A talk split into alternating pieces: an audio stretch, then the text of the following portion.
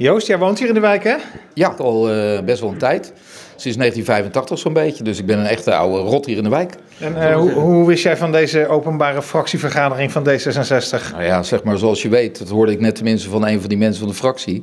Ze hebben hier meer dan 4000 flyers de deur in gegooid. Dus uh, ik had er ook eentje. Ja, kijk. En toen dacht ik van, nou, ik heb een uurtje over, laat ik ook een keer gaan. Want anders komen dus weinig buurtbewoners. Weet je, je was een van de vier, geloof ik, hè? Een van de vier, maar desalniettemin toch wel leuk om zo even mee te praten. Maar natuurlijk wel weinig, hè? Want je zou toch denken dat de politieke betrokkenheid hier iets hoger is. Zeker in deze campagnetijd. Zeker in deze campagnetijd, maar dat was toch nog wel wat marginaal.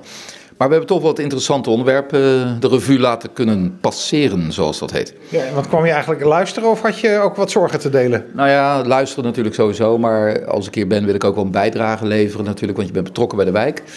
En ik heb met name het punt van de veiligheid even in de orde gebracht met betrekking tot het project bij de Kamerling Onderslaan. Waar nu echt een grote ingrijpende verkeersveranderingssituatie aanwezig is. En, Als je druk zijn met die fietsen, extra fietsplekken. Ja, fietsplekken, maar ook zeg maar de herinrichting daar van, de, uh, van.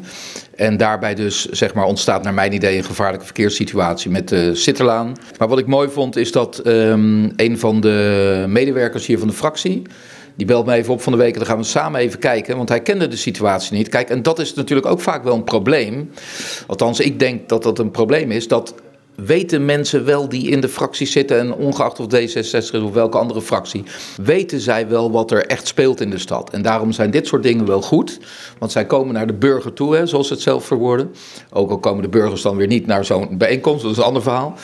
Maar desalniettemin, als je betrokken bent als burger, kan je dus hier je verhaal doen. En dan hopen dat ze er wat mee doen.